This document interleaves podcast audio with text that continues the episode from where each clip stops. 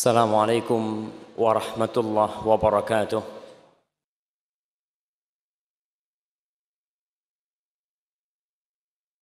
الحمد لله الذي أرسل رسوله بالهدى ودين الحق ليظهره على الدين كله ولو كره المشركون. Segala puji bagi Allah Jalla Jalaluh. Yang mengutus nabinya dengan agama yang benar dengan agama Islam satu-satunya agama yang diridhai oleh Allah Jalla Jalaluh. Untuk Allah menangkan agama ini di atas seluruh agama walaupun orang-orang musyrik benci dengan hal itu. Allahumma salli wa sallim على هذا النبي الكريم سيد الانبياء والمرسلين خاتم النبيين نبينا محمد بن عبد الله وعلى اله واصحابه اجمعين يا الله semoga salawatmu semoga salam berkah dan nikmatmu senantiasa kau curahkan untuk hamba kekasihmu yang mulia ini imamnya para rasul. Yang paling mulia di antara para nabi. Baginda nabi kita Muhammad sallallahu alaihi wasallam. Dan semoga salawat itu bersambung untuk keluarga beliau untuk istri-istri beliau untuk putra-putri beliau dan untuk seluruh sahabat Nabi radhiyallahu taala anhum ajma'in. Amma ba'd. Ma'asyiral muslimin, pada hari Ahad. Hari apa? Bukan hari Minggu. Ana sampai sekarang Ana mau kasih hadiah lah. Siapa yang tahu kok bisa hari Ahad itu jadi Minggu? Padahal semuanya itu bahasa Arab. Dan semuanya itu bisa disebut diambil dari bahasa yang sama. Bahasa Suryania kalau nggak salah. Senin, Isnin. Thulatha dari Thalatha. Arbi'a dari Arba. Kemudian Khamis dari Khamsa. Kemudian Jumu'ah Dikatakan Jum'ah karena tempatnya istimewa, tempatnya kumpul. Kemudian Sabat jelas hari Sabtu. Lalu kok jadi Minggu? Ya, fadal. Santo Domingus. Kenapa? Ada apa dengan Santo Domingus? Dia yang ganti itu hari Ahad. Masya Allah. Namanya siapa? Santo Domingus. Barakallahu fikum. Makasih atas ilmunya. Nanti kita cari siapa Santo Domingus Orang mana? Orang Surabaya? Bukan. Tinggalnya di Cibinong. Enggak Santo Domingus itu. Tinggal di Cibinong. Ya kita cari betul jemaah kita ini harus belajar. Kok bisa berubah jadi minggu? Ke mana ahad? Kita harus cari tahu. Karena banyak pembodohan-pembodohan terhadap publik yang kita tidak sadar dengannya. Pada suatu hari, baginda Nabi Muhammad sallallahu alaihi wasallam menaiki mimbarnya. Ada berapa anak tangga mimbar Rasul sallallahu alaihi wasallam? Masya Allah, banyak yang jawab nggak ada hadiahnya. Tapi tiga. Anak tangga mimbar Rasul SAW tiga. Awalnya Nabi ceramah nggak di mimbar. Awalnya Rasul SAW berceramah itu bersandar kepada batang pohon kurma. Kemudian ditawari oleh para sahabat untuk dibangunkan mimbar dari kayu. Rasul SAW mengiyakan. Maka dibangunkan mimbar dengan tiga anak tangga. Ketika Rasulullah SAW ceramah di mimbar itu, pohon kurma yang biasa dipakai bersandar oleh Rasul Sallallahu Alaihi Wasallam merintih kainu kaanini sabi seperti tangisannya seperti rintihannya bayi pohon pun merindukan Rasul Sallallahu Alaihi Wasallam Bagaimana dengan kita yang mengaku umatnya Rasul Sallallahu Alaihi Wasallam? Dia merasakan indahnya disandari oleh manusia termulia di muka. Ketika Rasul Sallallahu Alaihi Wasallam suatu hari naik mimbarnya, di setiap anak tangga mimbar, beliau mengatakan, Amin. Naik lagi, Amin. Naik lagi, Amin.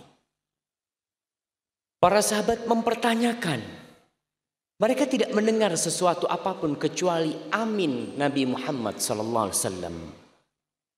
Maka mereka bertanya, "Ala madza amanta ya Rasulullah?" Apa yang kau aminkan wahai Rasul sallallahu Nabi wasallam menjelaskan, "Lamma raqitu darajal ula." Ketika aku naik ke anak tangga pertama, ja'ani Jibril datang kepadaku Jibril alaihi salam.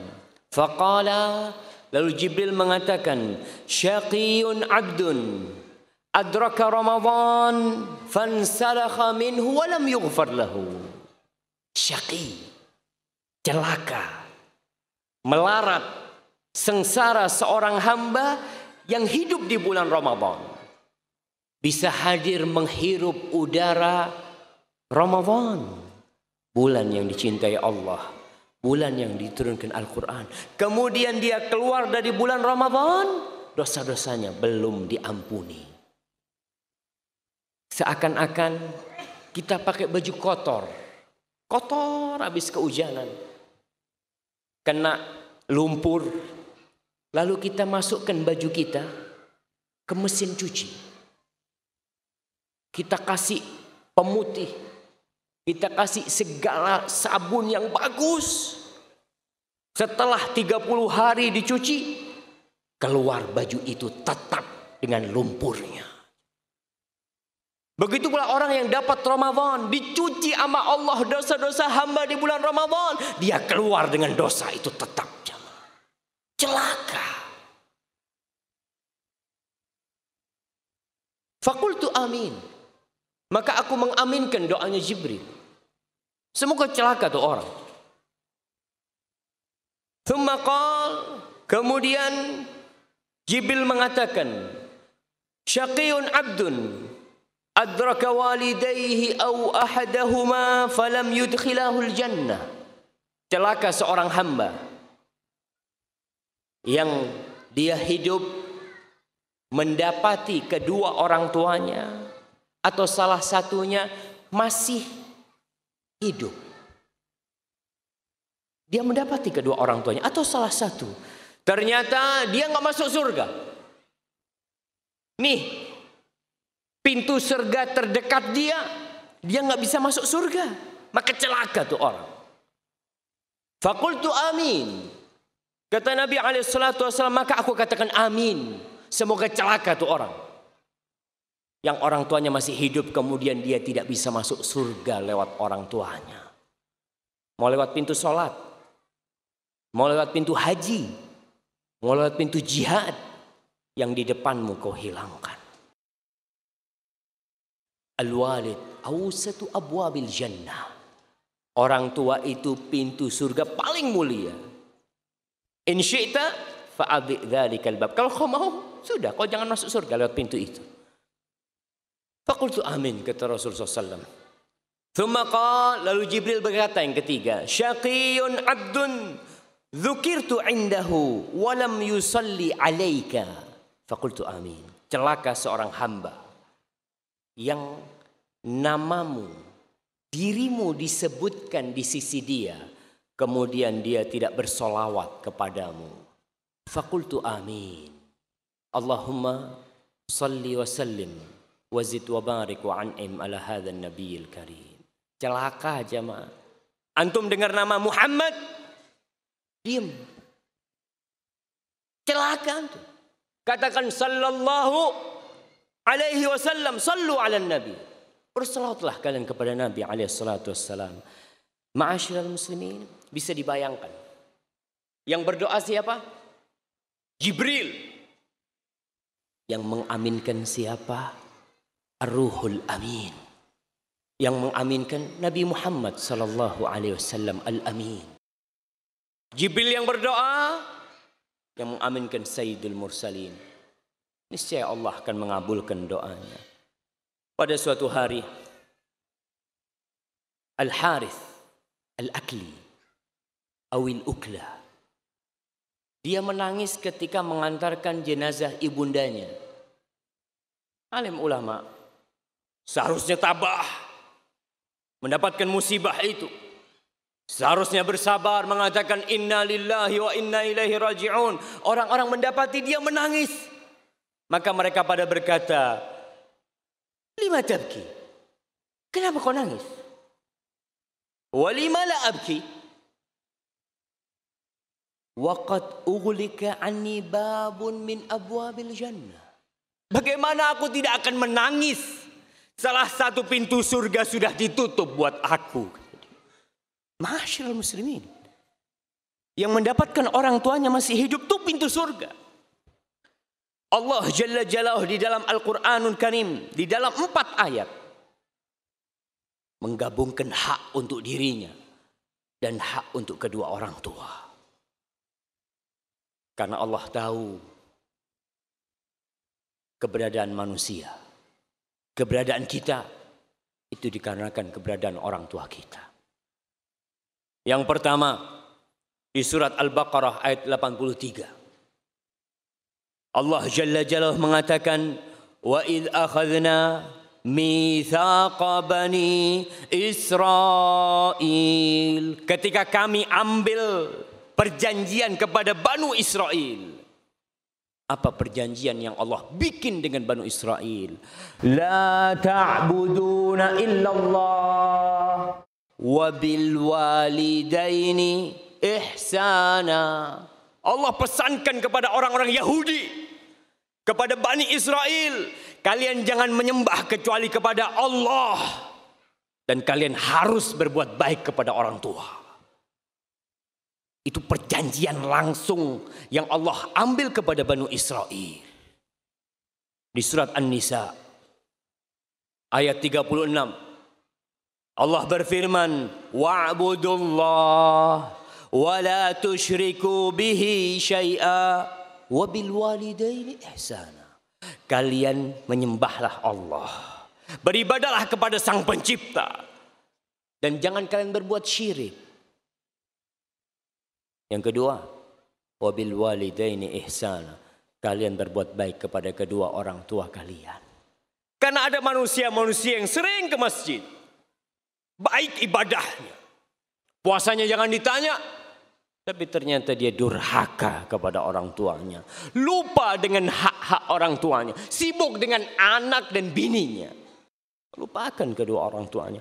Di surat Al-An'am ayat 51. Allah mengatakan, Qul ta'alau atlu ma harramallahu alaikum alla tushriku bihi wabil walidaini ihsana. Katakan Muhammad kepada orang-orang itu, "Ta'alau, kalian kemari. Aku akan bacakan kepada kalian apa yang Rob kalian haramkan atas kalian. Kalian jangan berbuat kesyirikan sedikit pun kepadanya. Wabil walidaini ihsana dan kalian berbuat baik kepada kedua orang tua kalian." Di surat Al-Isra yang keempat ayat 23 Allah mengatakan وقضى ربك ألا تعبدوا إلا إياه dan Allah telah memutuskan Allah telah mewajibkan kepada kalian kalian jangan menyembah kecuali kepada Allah wabil walidaini ihsana dan kalian berbuat baiklah kepada kedua orang tua kalian Ma'asyiral muslimin rahimakumullah. Allah begitu memperhatikan hak orang tua. Setelah manusia memenuhi hak sang pencipta, Allah perintahkan kepada manusia supaya tidak lupa. Supaya sadar bahwa dia bisa berjalan, dia bisa makan, dia bisa nulis. Ada peran orang tua di sana. Apalagi peran seorang ibu. Allah secara khusus memerintahkan kepada manusia secara khusus agar mereka berbakti kepada orang tuanya. Kita akan baca di surat Al-Isra tadi. Bagaimana Allah mengatakan wa qadha rabbuka alla ta'budu illa iyyahu bil walidaini ihsana. Kau berbuat baik kepada kedua orang tuamu. Imma yablughanna 'indaka al-kibara ahaduhuma aw kilahuma. Ketika salah satu dari orang tuamu atau dua-duanya sampai ke masa yang sepuh. Udah tua. Kita tahulah orang yang sudah sepuh. Permintaannya aneh. Kalau tidak diturutin nangis. Ya. Allah katakan ketika kedua orang tuamu sudah tua renta atau salah satu di antaranya, fala taqul uffin. Jangan pernah engkau mengatakan uff. Ketika kau masih kecil, Orang tuamu gagah, kok nggak berani membantah perintahnya? Nggak ada yang berani. Kita ini yang masih ya seumur-umur anak, orang tuanya masih gagah. Kita mau ngomong enggak, mau nolak perintahnya nggak berani. Karena bisa digampar sama orang tua kita. Wala tanharhuma. Jangan kau menghardik keduanya. Karena sudah tua renta. Kadangkala tangannya sudah mulai bergerak. Kadangkala jalan dengan tongkatnya pelan. Eh cepetan. Subhanallah. Bapak ibumu kok katakan itu. Wa qul qawlan karima. Katakan kepada keduanya perkataan yang karima. Perkataan yang penuh dengan penghormatan dan kata-kata yang indah yang kau pilihkan untuk keduanya. Wakhfid lahuma minar rahmah. Wakhfid lahuma minar rahmah. Kita pernah melihat burung. Bagaimana burung meletakkan sayapnya. Kadang-kala kita lihat ayam meletakkan sayapnya dan anak-anaknya naik ke atasnya. Bersembunyi di sayap itu. Allah perintahkan kepada anak agar dia membuka sayapnya dengan penuh penghinaan buat siapa? Buat orang tuanya. Minar rahmah sebagai bentuk kasih sayang kau kepada orang tuamu. Wa qur rabbirhamhuma kama rabbayani saghira dan katakan rabbirhamhuma kama rabbayani saghira. Allah jadikan keridoannya ikut keridoan orang tua kita. Yang datang kajian orang tuanya nggak ridho hati-hati. Ustaz, anak mau kajian Ustaz. Orang tua nggak boleh kata dia. Melarang nuntut ilmu. Nah, masih banyak sarana untuk nuntut ilmu. Rasul sallallahu alaihi wasallam mengatakan ridha Rabb fi ridhal walid wa sakhatur Rabb fi sakhatil walid. Keridhaan Allah bergantung dengan keridhaan orang tua kita. Kemurkaan Allah bergantung dengan kemurkaan orang tua kita. Para jamaah rahimakumullah, Tadi saya singgung bahwasanya Allah telah menghususkan buat ibu. Memberikan hak khusus buat ibunda kita. Kenapa? Ketahuilah bahwa dari rahimnya dilahirkan seorang imam.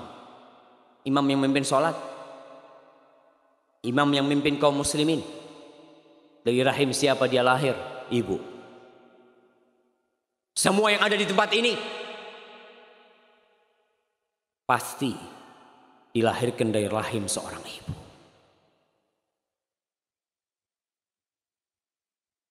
Orang-orang pada ribut kemarin merayakan hari ibu. Kajian ini bukan untuk merayakan hari ibu. Tidak ada hari ibu dalam Islam. Tidak ada hari ibu dalam Islam karena semua hari 360 hari milik ibu kita. Nggak ada kau khususkan buat ibu satu hari.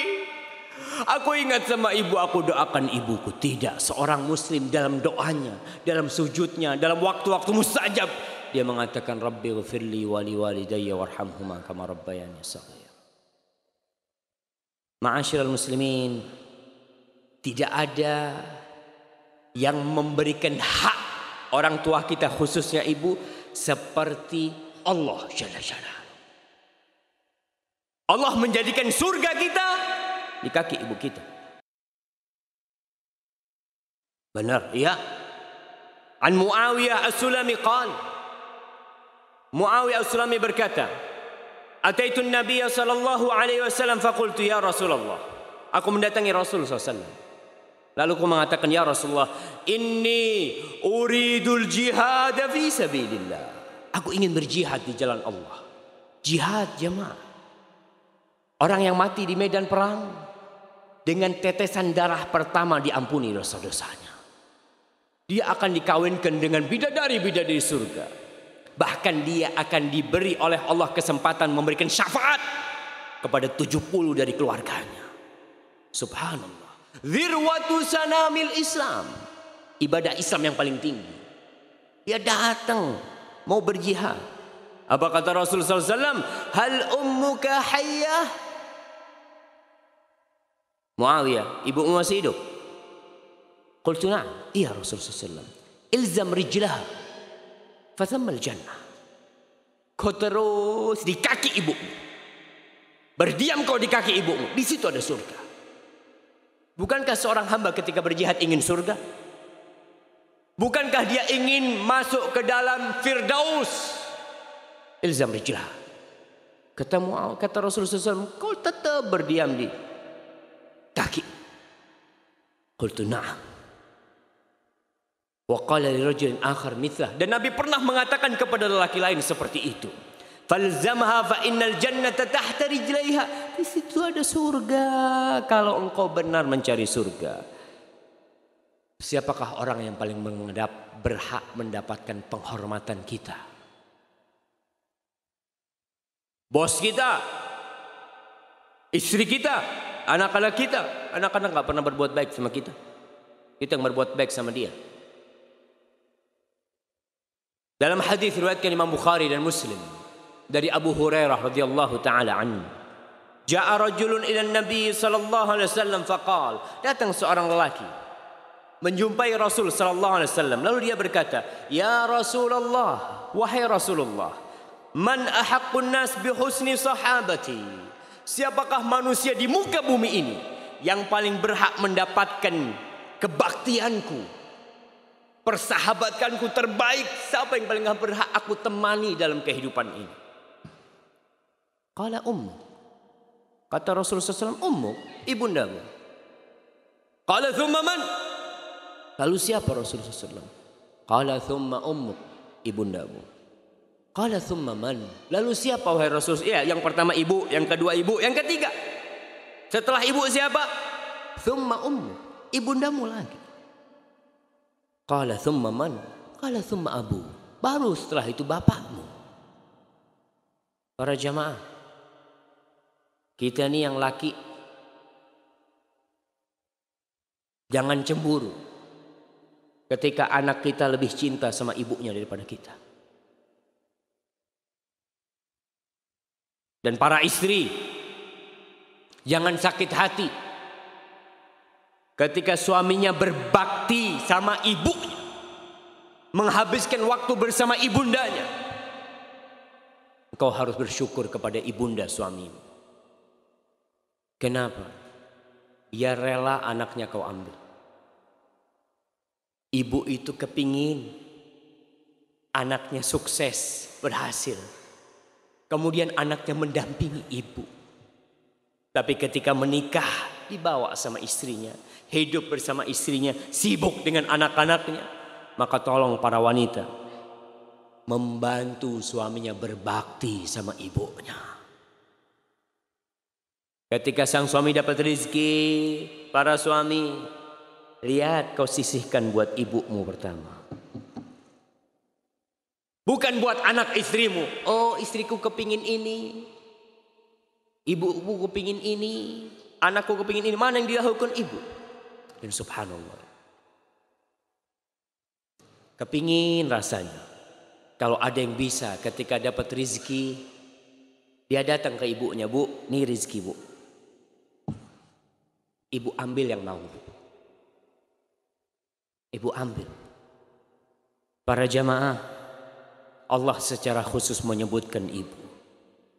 Di surat Al-Ahqaf ayat 15.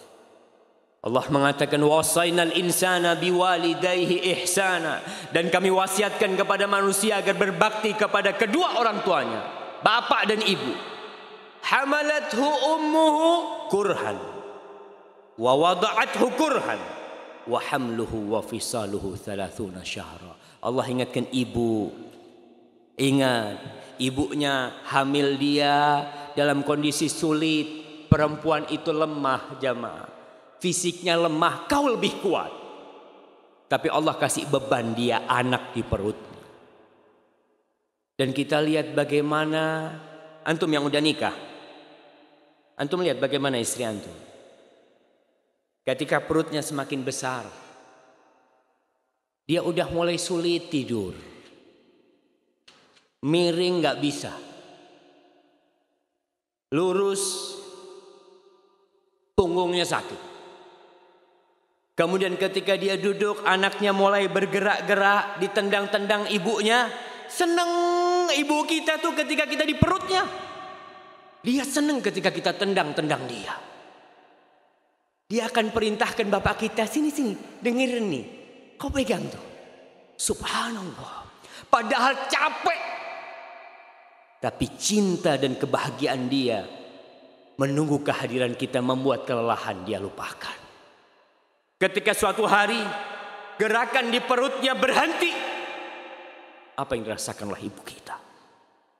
Ketika kita tidak berputar di perut ibu kita, bingung. Dia mengatakan kepada ayah kita, Fulan, kok nggak bergerak ya bayinya? Aku takut ada apa-apa sama dia. Berangkat ke dokter, diperiksa nggak apa-apa sehat. Bahagia tuh ibu. Ketika datang masa-masa melahirkan Allah mengatakan wa wada'atuhu kurha. Dia melahirkan. Ibu kita melahirkan kita. Kita yang bisa ada di sini keluar dari rahim ibu dan kita. Sembilan bulan kita makan dari darah ibu kita. Kita darah dagingnya aja. Ketika dia mengeluarkan kita. Berat. Bukaan pertama. Bukaan kedua. Bukaan ketiga. Berangkat ke dokter. Kau harus banyak jalan. Jalan ibu kita. Lihat lagi bukaan kelima. Alhamdulillah. Sudah tinggal sedikit. Tambah mendekat tambah sakit yang dirasakan oleh mereka. Untuk mengeluarkan kita jamaah. Wa fisaluhu thalathuna syahra. Kemudian setelah itu lahir disusui sama ibunya. Hamil dan disusuinya 30 bulan bisa jadi. Ketika lahir, kebutuhan kita dengan ibu kita semakin parah. Kita nggak bisa berbuat apa-apa. Kita hanya bisa menangis. Ibu kita ketika kita menangis dia gendong kita, dia dekatkan kita dengan tetek. Dia susui. Dia meletakkan kita di dadanya. Berapa kali sehari? Puluhan kali. Malam hari tatkala semua tidur, kita menangis, dia bangun, dia gendong kita. Lalu setelah kita besar. Setelah dua tahun kita disusui. Kita diajarin jalan sama ibu kita. Ketika bisa jalan bahagianya tuh ibu. Ketika panas sedikit dia antar ke rumah sakit. Ma'asyiral muslimin rahimakumullah. Nabi alaihissalatu berpesan khusus untuk ibu. Bukan cuma Allah. Nabi pun. Beliau mengatakan dalam hadis yang diriwayatkan oleh Imam Bukhari dan Muslim, "Inna Allah haram alaikum uquqal ummahat." Allah mengharamkan kepada kalian durhaka kepada ibu kalian, ibu kalian. Haram durhaka kepada bapak, iya. Tapi Nabi mengkhususkan kepada ibu. Kenapa? Kenapa Nabi mengkhususkan ibu yang disebut? Padahal durhaka kepada bapak juga haram. Karena ibu kita memiliki kehormatan yang lebih tinggi di atas bapak kita.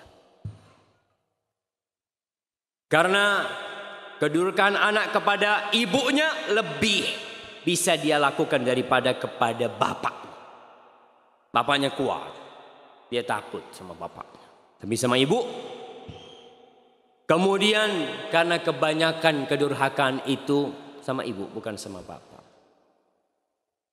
Lalu Nabi ingin mengingatkan kepada kita nih, agar kita lebih mengutamakan ibu kita dari bapak. Suatu hari datang pemuda mengadukan bapaknya. Apa kata pemuda ini kepada Rasulullah SAW? Kita lihat subhanallah. Nabi SAW itu tempat curhat semuanya. Istri curhat sama Nabi. Perempuan-perempuan curhat sama Nabi. Suami curhat sama Nabi. Anak-anak curhat sama Nabi. Bapak curhat sama Nabi.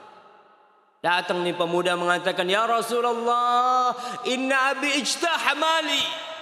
Hai Rasul SAW, bapakku ngambil hartaku. Bapakku ngambil hartaku. Kau panggil bapak. Datang. Bapak. Benar. Kau ngambil hartanya dia. Iya Rasul, aku ambil harta dia. Nggak boleh emang ambil harta dia. Aku ambil harta dia. Ya Rasul, aku yang susah payah membesarkan dia. Aku yang bekerja siang malam demi dia jadi besar. Agar dia sukses. Kemudian setelah dia berhasil, aku nggak boleh ngambil hartanya. Rasul. Rasul Sallallahu Alaihi mengatakan kepada pemuda ini, sini. Anta wa malu kali abi. Kau bersama hartamu untuk orang tuamu. Bukan cuma hartamu. Dirimu maka orang tua kalau bunuh anaknya tidak dikisos. Enggak. Milik dia tuh anak. Hasil karya dia. Dosa iya. Tapi tidak dikisos. Hak orang tua besar bapak. Apalagi ibu. Tapi kebolehan mengambil harta anak ini tidak semena-mena. Jangan ada bapak-bapak dari majelis ini mengatakan Alhamdulillah saya mau ambil motor anak saya Ustaz. Pulang. Bukan. Dia boleh ambil harta anaknya selama tidak membahayakan anaknya. Anaknya punya motor tiga, bapaknya ambil satu. Ambil. Buat apa kau simpan itu? kalau orang-orang bertanya kepada Rasul Sallallahu Alaihi Wasallam tentang masalah infak, sedekah nih. Yas'alunaka madza yunfiqun mereka bertanya kepadamu apa dan kepada siapa mereka berinfak. Qul ma anfaqtum min khairin falil walidaini wal aqrabin.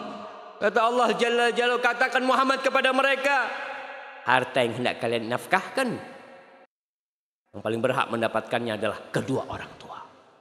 Kemudian kerabat-kerabat kita. Para jamaah demi orang tua hijrah pun harus ditinggalkan. Di dalam hadis yang diriwayatkan Imam Ahmad, datang seorang lelaki menjumpai Rasul sallallahu alaihi wasallam. Dia mengatakan, "Ji'tu ubayyi'uka 'alal hijrah." Wahai Rasul sallallahu alaihi wasallam, aku datang untuk berbaiat kepadamu untuk berhijrah meninggalkan negeri kafir ke negeri Islam. Wa taraktu abawayya yabkiyan dan aku tinggalkan kedua orang tuaku nggak ridho nangis keduanya. Apa kata Rasulullah SAW? Irji ilaihima. Kau pulang. balik kau jumpain kedua orang tuamu. Fa'adhikhuma kama abkaitahuma. Kau bikin keduanya tertawa. Sebagaimana kau telah membuat keduanya menangis. Banyak di antara kita yang meninggalkan orang tuanya di kampung halaman jauh. Kenapa Ustaz? Ana mengadu nasib di Surabaya. Kerjaan Ana di Surabaya. Masa Ana harus ke kampung? Kalau ke kampung nggak ada kerjaan. Subhanallah. Di situ ada surga. Orang mau hijrah aja suruh balik. Orang mau jihad suruh balik sama Rasulullah SAW. Apalagi cuma sekedar cari rizki. Di mana engkau hidup selama di bumi Allah, di situ akan ada rizki. Tapi orang mencari kenyamanan. Mencari kenikmatan ya kalau di kampung ada sih kerjaan tapi nggak seperti di kota besar. Subhanallah. Kau mau cari surga atau mau cari dunia? Kalau kau cari dunia cari itu dunia. Abu Hurairah radhiyallahu taala anhu. Bagaimana kebaktian Abu Hurairah kepada ibunya? Ibunya ketika itu masih kafir.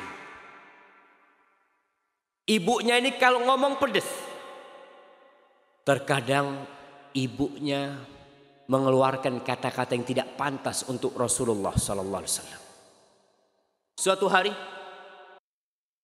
Abu Hurairah ke rumah dia ketemu sama ibunya, ibunya ngomong nggak enak mencela Rasul SAW. Abu Hurairah nggak tahan. Dia keluar dari rumah. Ke mana? Menjumpai Rasulullah SAW.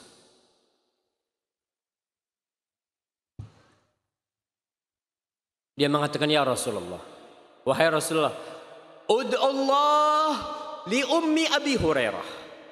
Wahai Rasulullah, tolong kau berdoa mohon kepada Allah untuk ibunda Abu Hurairah. Ini kebaktian yang paling dahsyat dari seorang anak. Ketika mendapatkan ibundanya dalam kemaksiatan, dalam kekufuran, dia meminta kepada Allah bagaimana ibunya bisa masuk surga.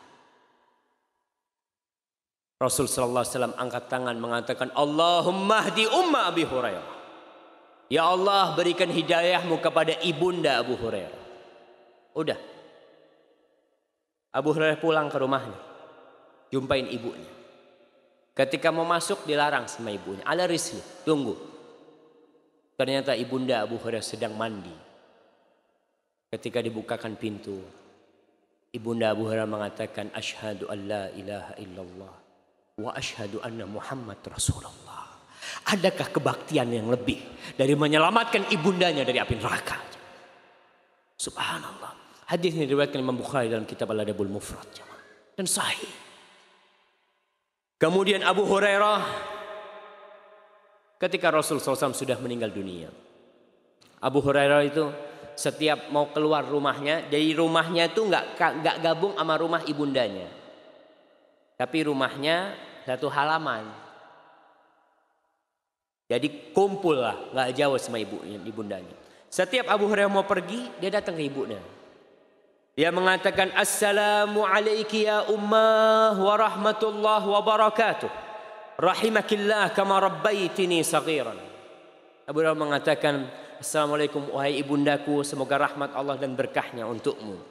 Semoga Allah merahmatimu wahai ibundaku sebagaimana engkau telah membesarkan aku, merawatku ketika aku kecil. Fataqulu ummu. Ummu ibunya menjawab. Wa alaikassalam ya waladi. Wa rahmatullah wa barakatuh. Rahimakallahu kama barartani kabiran. Wahai anakku semoga Allah menyayangimu. Sebagaimana engkau telah berbakti kepadaku dalam kondisi engkau besar. Dalam perjalanan Abu Hurairah mau pulang, datang ke rumah ibunya dulu.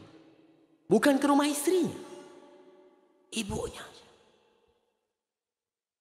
Ma'asyiral muslimin rahimakumullah, Al-Imam Ibnul Jauzi. Beliau hidup di abad ke-6 kira-kira. Dia menjelaskan tentang kondisi abad ke-6. Berapa tahun yang lalu? 800 tahun yang lalu kira. Dia menceritakan ini ra'aitu syabibatan min ahli zamanina la yaltafituna ila birril walidain. Aku melihatnya anak-anak muda sekarang nih di zamanku mereka tidak menoleh, tidak memperhatikan tentang birrul walidain. Wala yarawnahu laziman. Mereka tidak melihatnya sebagai suatu kewajiban. Kewajiban agama. Enggak. Mereka hanya ya sudahlah kalau ente punya waktu ente berbakti. Kalau punya waktu ya sudah. Allah tidak memberatkan kepada hambanya la yukallifullah nafsan illa wus'aha. Punya dalil kadang kala mereka tidak berbakti sama orang tuanya. Yarfa'una aswatahum 'alal aba wal ummahat. Wa ka'annahum la ya'taqiduna ta'atahum minal wajibat.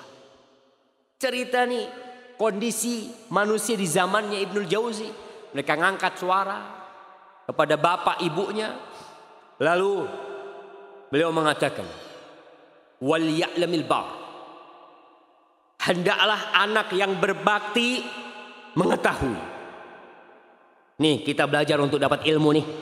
Nih salah satu ilmu kita dengar nih. Dari Ibnul Jauzi. Dia mengatakan wal ya'mal wal ya'lamil baru bil walidain annahu mahma balagha fi birrihima lam yafi bi syukrihim.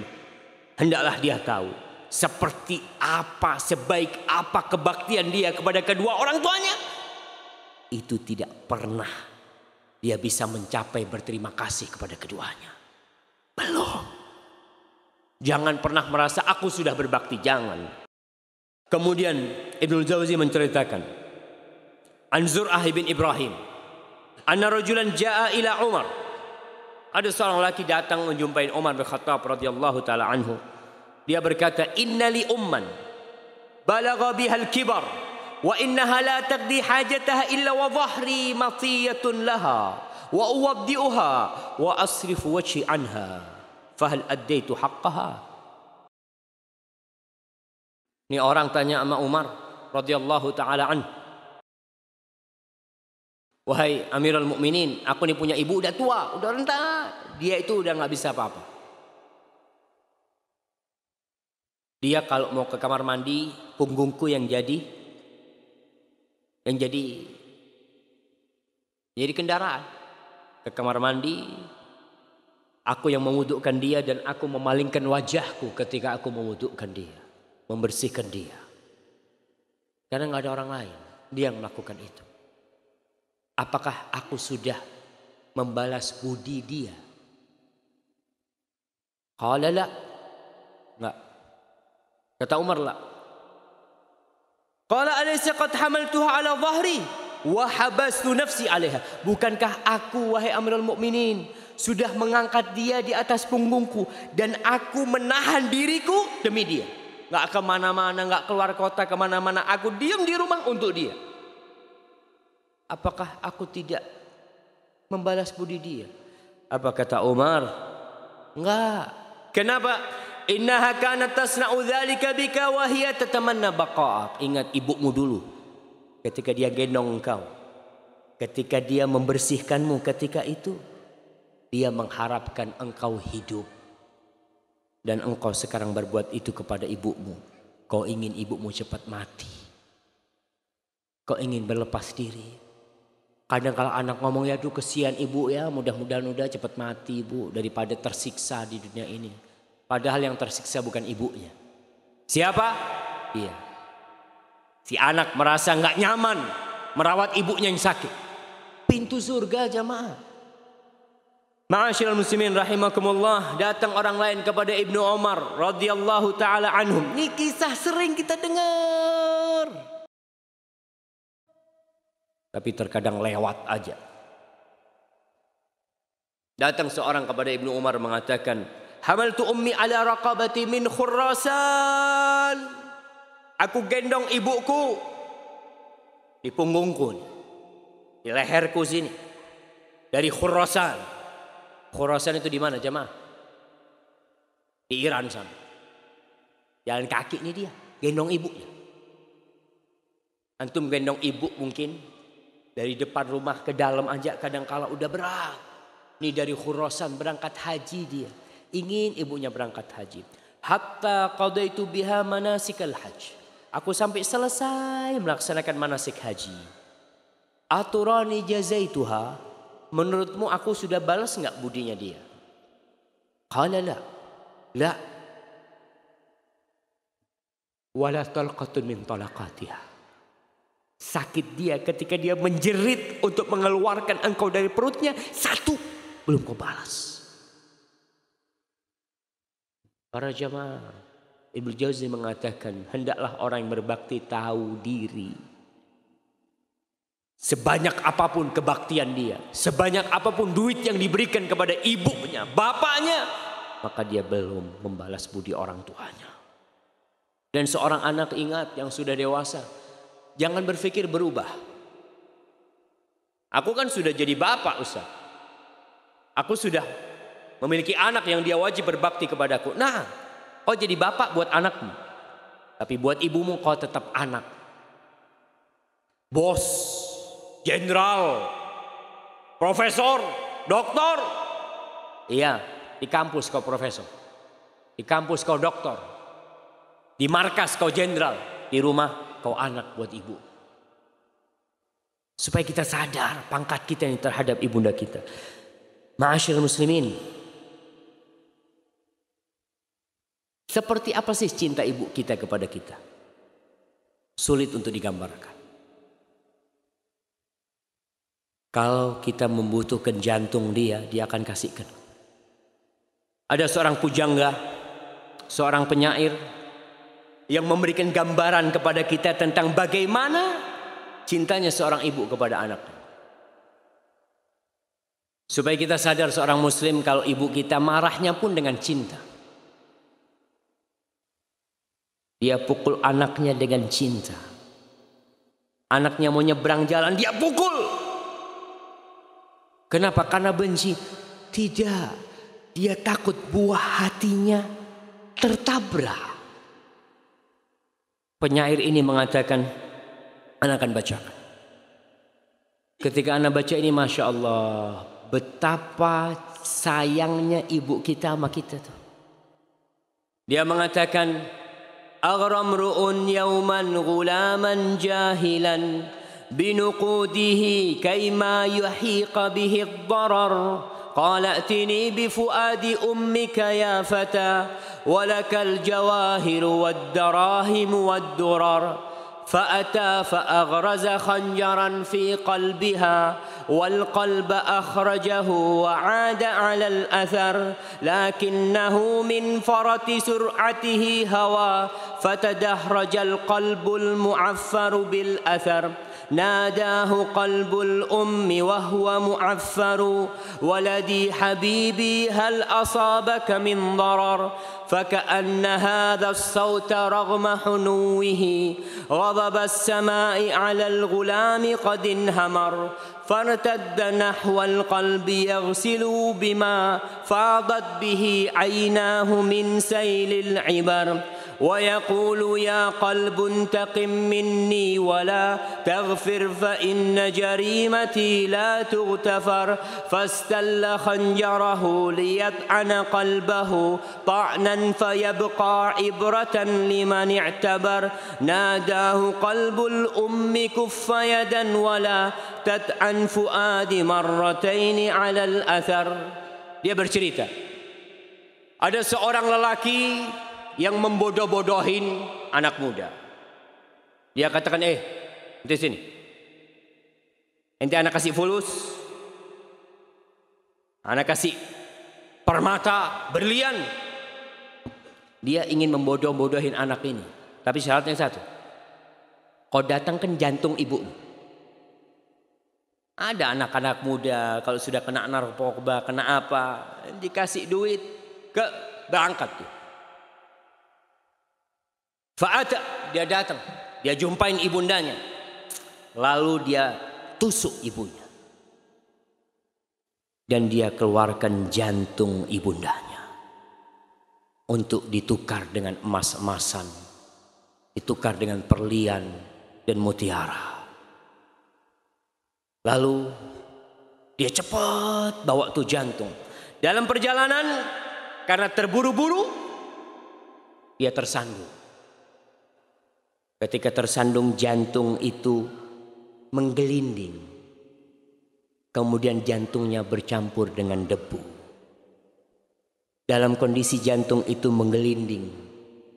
Nadahu qalbul um. Jantung itu memanggil anaknya. Wahai Ananda, wahai Anandaku, kau nggak apa-apa anakku. Kau nggak apa-apa kesandung anakku, kata dia. Suara itu yang penuh dengan kelembutan. Tetap seakan-akan suara itu adalah murka Allah Jalla Jalla kepada anak. Maka dia ambil tuh jantung ibundanya.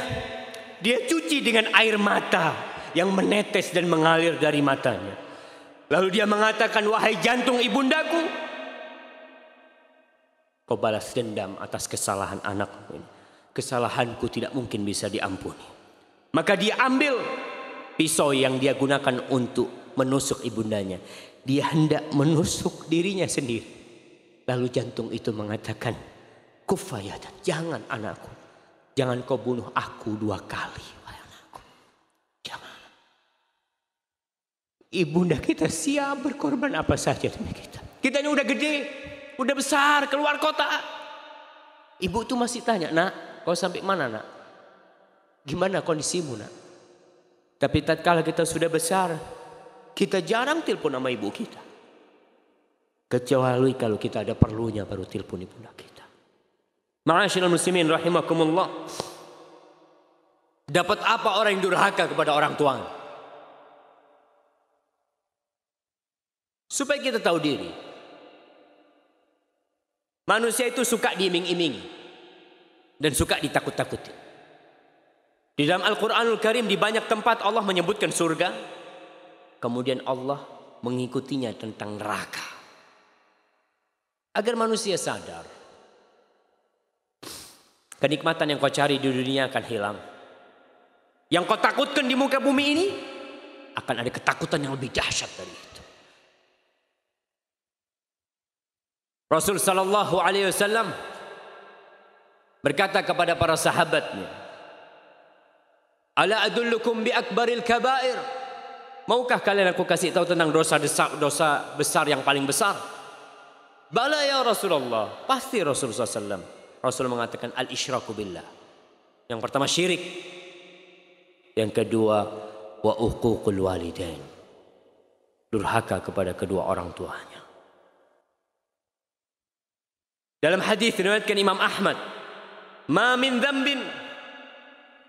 أجدر أن يعجل الله تعالى لصاحبه العقوبة في الدنيا مع ما يدخر له في الآخرة مع ما يدخره له في الآخرة من البغي وقطعة الرحم. أخرجه الإمام أحمد. Kata Rasulullah SAW tidak ada dosa yang lebih pantas untuk mendapatkan hukuman di dunia. Allah segerakan hukuman dia di dunia plus yang Allah sembunyikan bagi dia kelak di akhirat daripada kezoliman dan memutuskan rahim. Memutuskan rahim yang paling besar adalah orang tua. Jangan. Anak lupa sama orang tuanya. Jauh. Cuma ke kampung halamannya. Kapan? Mudik. Liburan panjang. Iya Ustaz. Butuh fulus Ustaz ketemu orang tua. Eman-eman fulusnya. Daripada buat ke orang tua kan enak buat nambah modal. Subhanallah. Dua hal yang manusia takutin ketika berbakti sama orang tuanya. Dua hal. Anda mau kasih hadiah.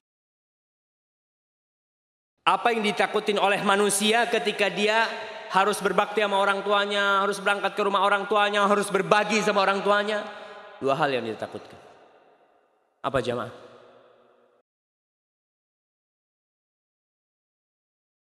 Bukan takut istri. Hartanya berkurang dan takut istri. Bukan sih, anak kasih antum. Ya, yang satu betul, hartanya berkurang. Yang kedua, nah, masya Allah, antum ambil. Iya, kita mau berbakti sama orang tua itu takut dua, nggak punya waktu, biaya besar.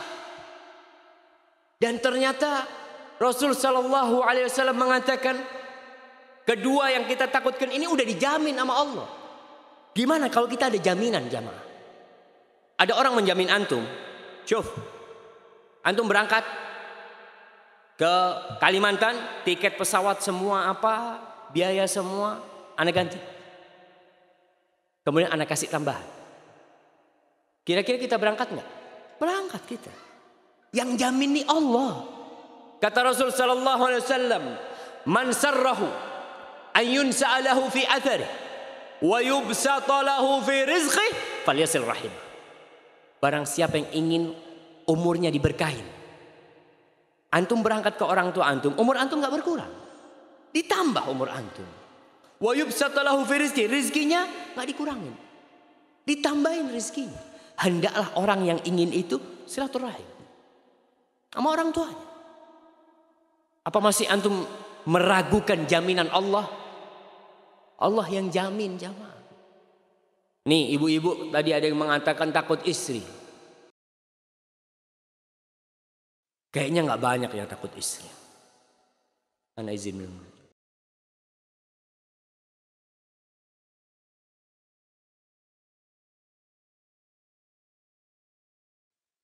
Seharusnya, Alhamdulillah. Seorang suami yang perhatian sama istrinya, dia akan perhatian sama orang tuanya. Istrinya perempuan, ibu anak-anaknya. Dia perhatian sama istrinya. Ibunda, ibunda dia perempuan. Dan ibunda dia adalah wanita yang melahirkan dirinya.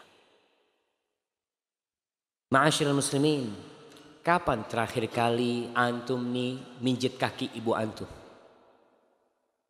Bertahun-tahun antum bisa sama ibu antum. Kaki yang pernah bengkak. Pernah bengkak kaki ibu kita itu. Gendong kita. Datang sama ibu. Pijetin kaki. Dan katakan Rabbi firli wali walidayya warhamhuma kama rabbayani Kalau antum punya rizki. Pulang. Berangkat ke kampungnya cuma apa? Mau pijit kaki ibu. Pijit. Ya Allah mudah-mudahan ini yang memasukkan aku ke surga. Kita nggak tahu lewat pintu mana kita masuk surga. Ini pintu paling dekat. Kita tinggalkan.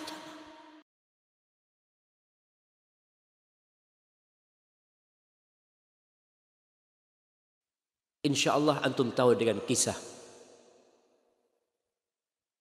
Uwais Al-Qarani. Al-Imam Muslim dalam kitab sahihnya Beliau menceritakan tentang sosok manusia yang belum pernah dilihat oleh Rasul sallallahu alaihi wasallam. Dia hidup di masa Rasul sallallahu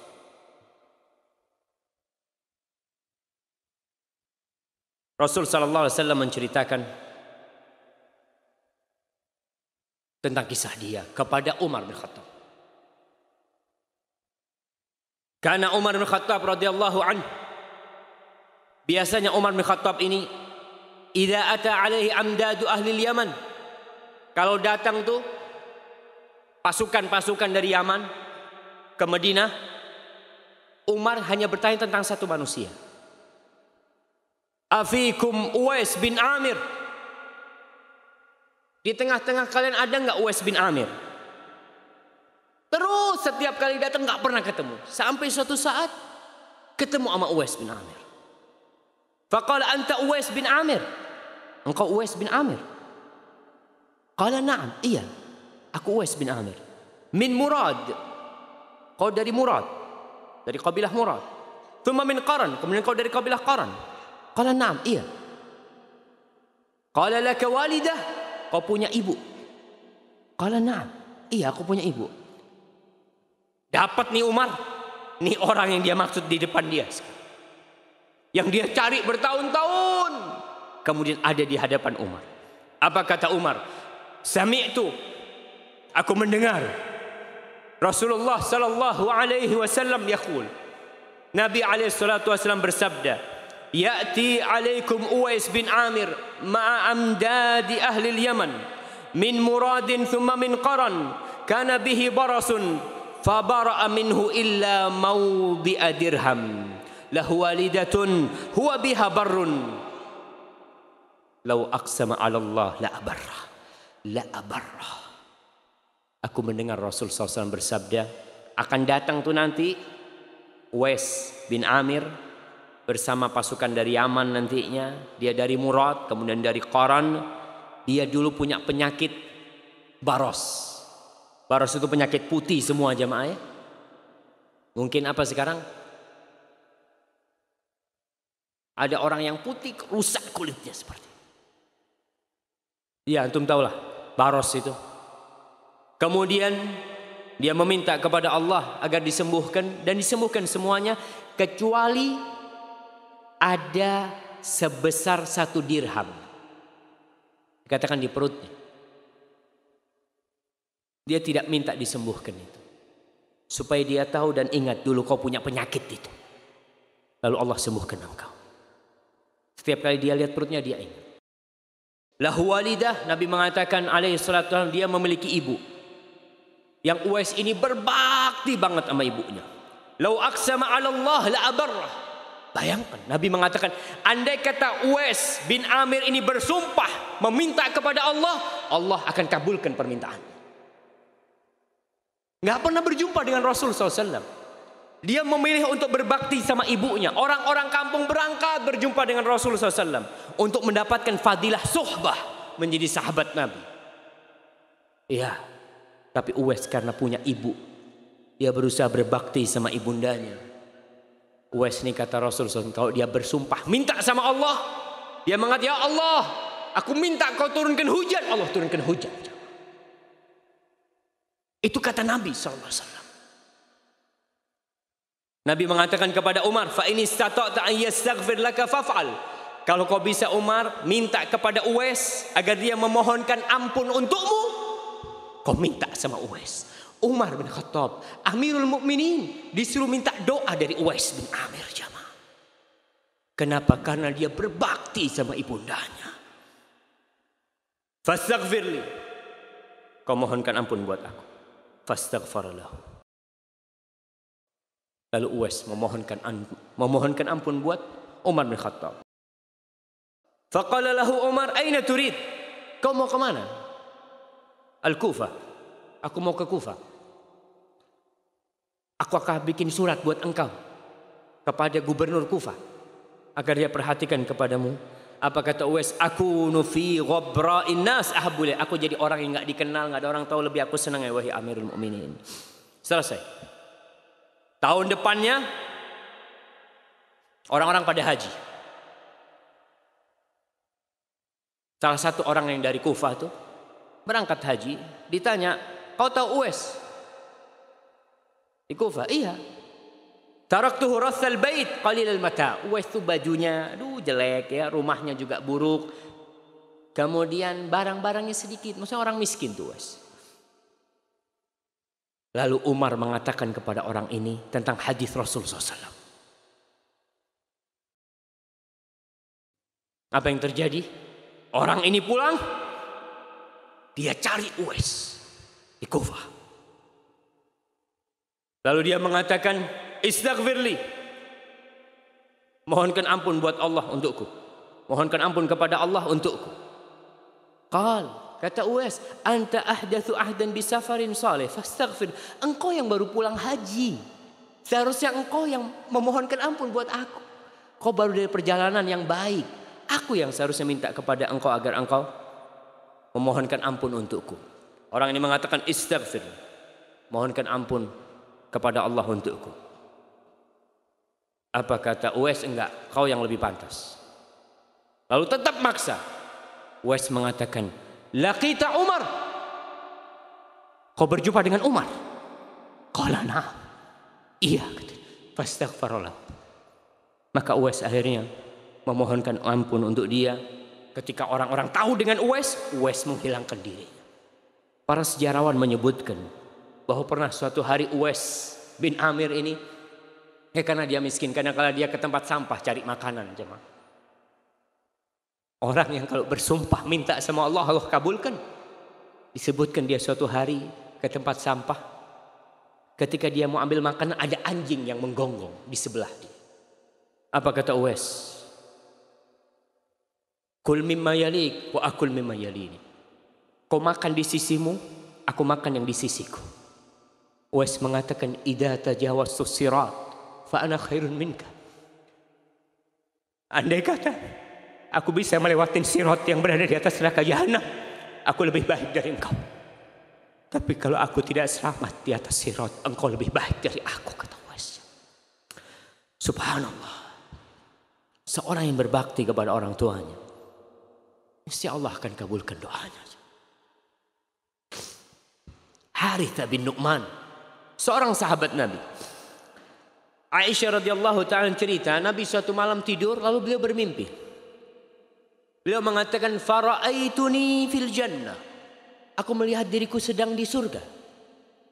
Fasami'tu sauta qari'in yaqra. Aku mendengar ada orang yang membaca. Lagi baca. Fakultu man hadha? Baca Quran ini siapa ini? Faqalu hadha Haritha ibn Nu'man. Ini Haritha ibn Nu'man.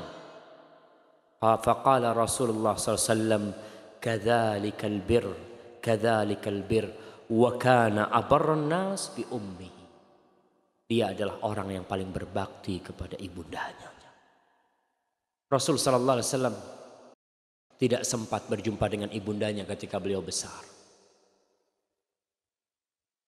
Beliau pernah meminta izin kepada Allah agar bisa memintakan ampun untuk ibundanya. Tapi tidak dikasih sama Allah.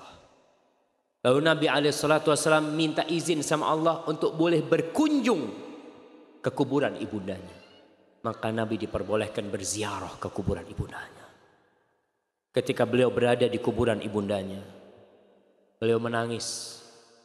Beliau mengatakan kepada para sahabatnya, "Kuntu nahaitukum an ziyaratil kubur." Dulu aku melarang kalian ziarah kubur, ala fazuruha. Sekarang kunjungi kuburan. Fa innaha tudzakkirul akhirah Ziarah kubur itu mengingatkan kepada akhirat.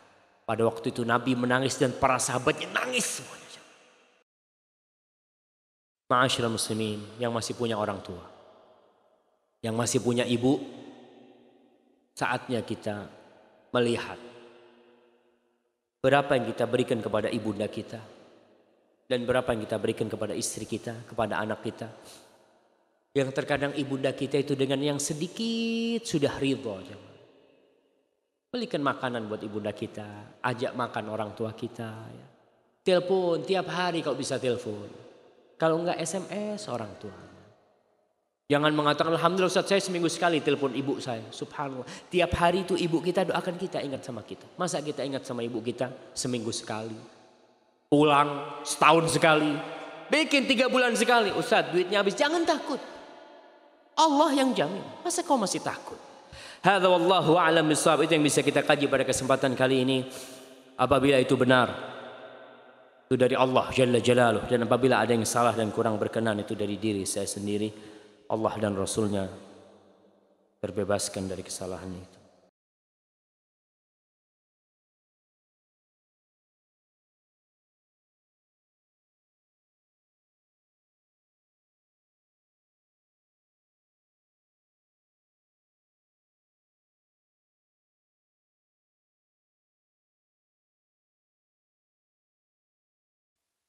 Bagaimana mengatasi rasa bosan atau lelah saat merawat orang tua? Apakah bila kita pernah merasa lelah, maka sirna bakti yang sudah dilakukan? Namun terkadang di hati ada rasa bosan, kesal dan emosi terhadap permintaan aneh-aneh.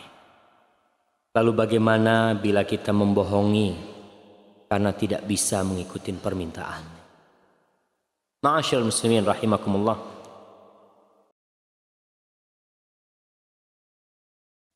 Kejenuhan menghampiri kita. Anak punya ibu subhanallah. Dia dua tahun ini udah kena stroke. Allah yashfiha. Terkadang datang ya rasa kesian sama ibu kita.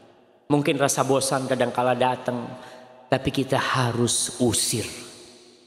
Ketika antum pegang tangan ibu antum, antum ingat nih, ini tangan yang dulu gendong antum. Ini tangan yang dulu ngusap, membersihkan kotoran antum. Maka ingat dengan itu. Insya Allah kebosanan itu akan hilang. Dan ingat ini pintu surga antum.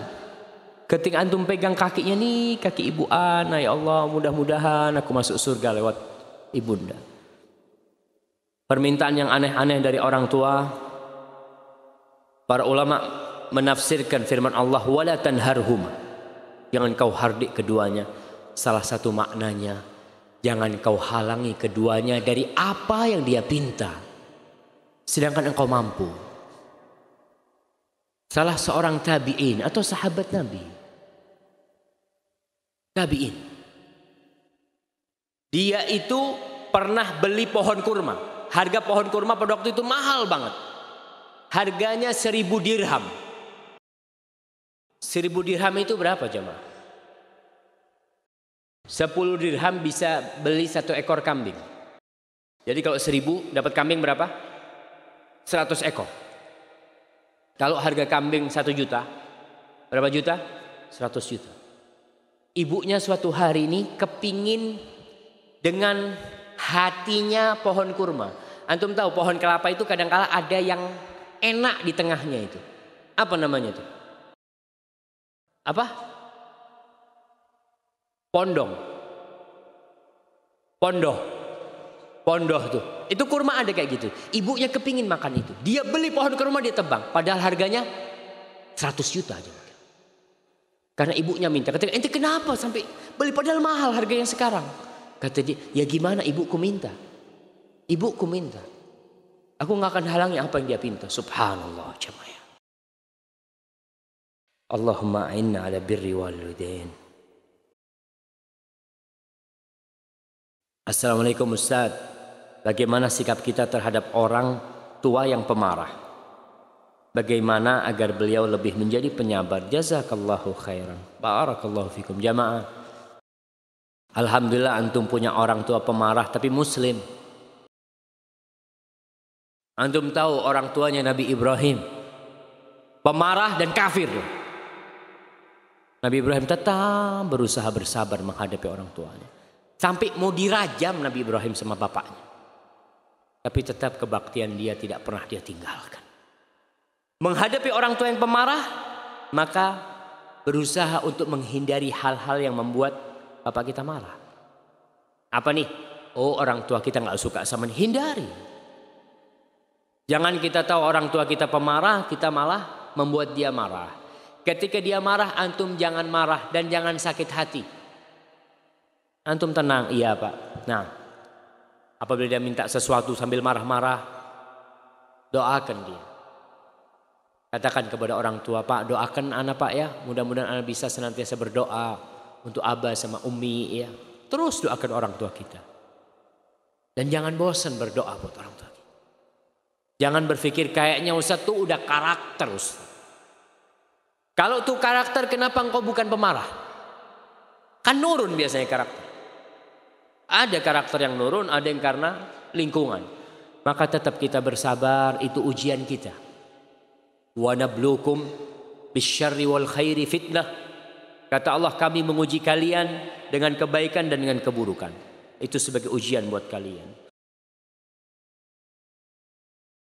Assalamualaikum Ustaz Waalaikumsalam warahmatullahi wabarakatuh Apakah yang harus Ana lakukan kalau ibu Ana tidak suka kalau Ana pakai celana cingkrang dan jenggot.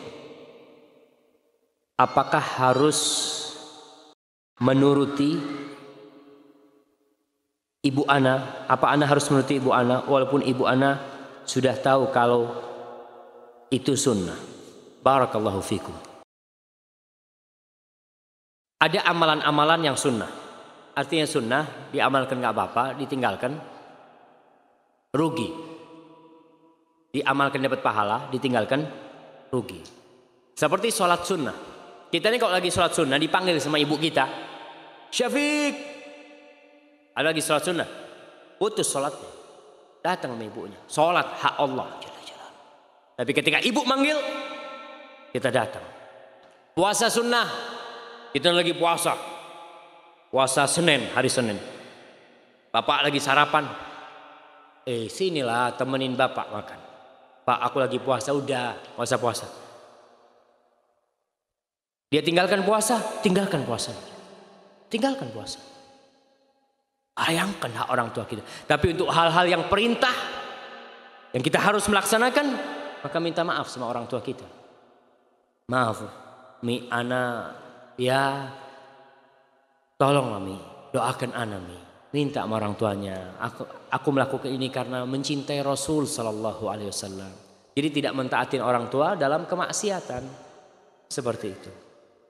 Kita wajib taat dalam segala hal kecuali dalam kemaksiatan. Al-Imam Ahmad ditanya tentang orang tua yang manggil anaknya di rumah.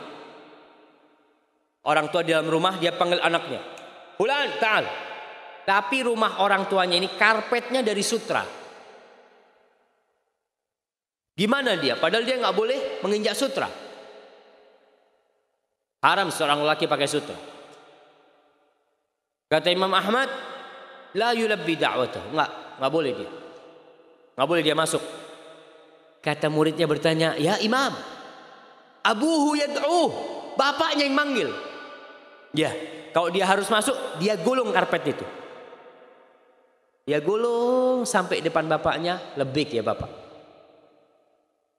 Dia menjawab panggilan bapaknya dan dia tidak melakukan dosa kepada Allah Jalla Jalla.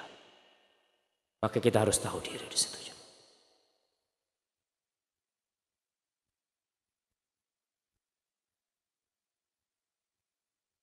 Dijelaskan ridha Allah adalah ridha orang tua. Bagaimana kalau kita sudah menikah ikut suami? Jazakallahu khairan. Barakallahu fiik.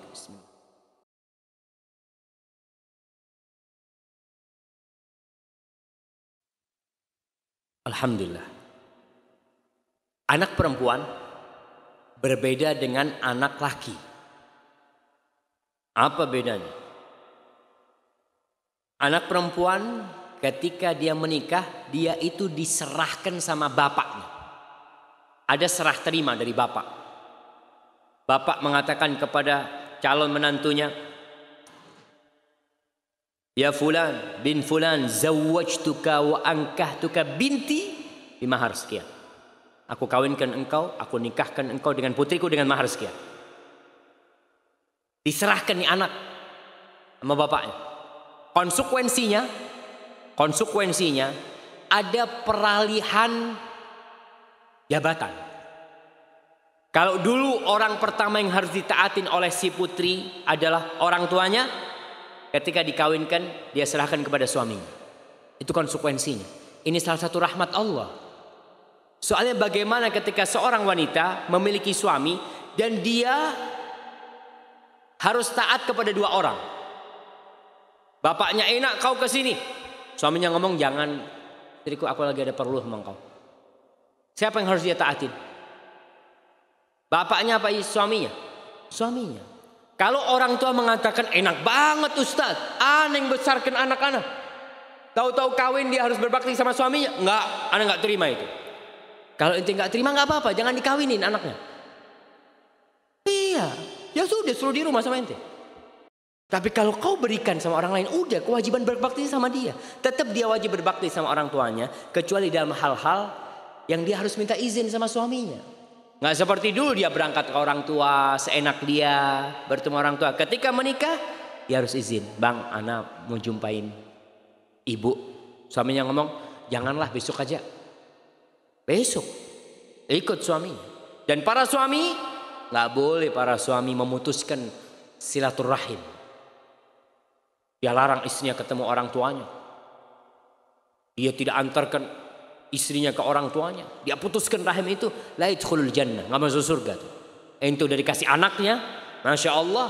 Udah gede, udah siap. Dikasihkan ke ente. Ente lalu tidak mau berbakti. Atau membantu istrimu berbakti kepada orang tuanya. Hada wallahu alam Nah, afwan Ustaz. Kalau ibu sudah mati bagaimana cara berbakti? Subhanallah, betul. Sebagian di antara kita Dulu belum sempat berbakti. Pintu surganya udah selesai, udah meninggal. Gimana cara berbakti? Yang pertama, jadilah anak soleh. Kalau kau jadi anak soleh, kau datang kajian, kau beribadah, kau bersedekah, orang tua itu dapat insya Allah pahalanya. Dapat saham, karena engkau adalah hasil orang tua. Kalau kau punya kelebihan rizki, kelebihan rizki ini, sedekah buat orang tua kita. Sampai, sampai Rasul sallallahu alaihi wasallam dalam hadis riwayatkan Imam Bukhari dalam Adabul Mufrad ditanya orang laki mengatakan ya Rasulullah ibuku meninggal belum sempat berwasiat. Apakah aku bersedekah buat ibuku sampai? Sampai. Dapat pahala ibu. Jadi punya rezeki, beli sejadah umpamanya satu, taruh ke masjid buat ibu. Nggak usah ngomong sama orang, nih buat ibundaku. Nggak perlu.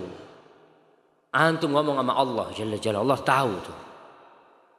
Kemudian istighfar buat keduanya.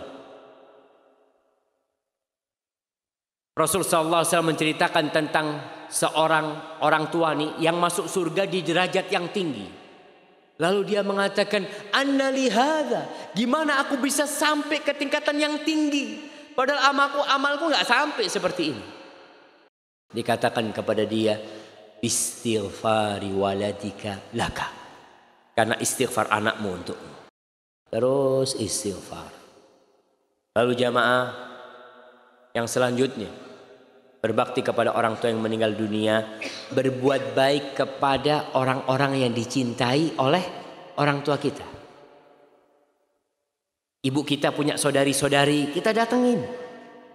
Rasul sallallahu alaihi wasallam mengatakan inna min abarril birri silatur rajuli ahla wuddi abi. Termasuk kebaktian yang paling baik ketika seorang anak menyambung hubungan baik dengan orang-orang yang dicintai oleh orang tuanya. Makanya dulu dulu tuh masya Allah orang tua kita kalau ada tamu kita tuh biasanya dipanggil. Anak ingat dulu sama abah anak Syafiq sini sampai sekarang sampai sekarang. Sampai sekarang anak udah tua ketika ada tamu anak bisa dipanggil sama abah Syafiq sini. Nih temennya abah kau kenalan sama Fulan. Kita dikenal. Dulu ketika kita kecil kita dipanggil. Yuk salaman nih sama Ami Fulan, Ami Fulan dikasih tahu. Sekarang kalau ada tamu anak disuruh, eh eh, sono sono, masuk dalam. Hei, masuk dalam. Ini anak kita nih supaya dia bisa menyambung nanti silaturahim, menyambung kebaktian kepada kita.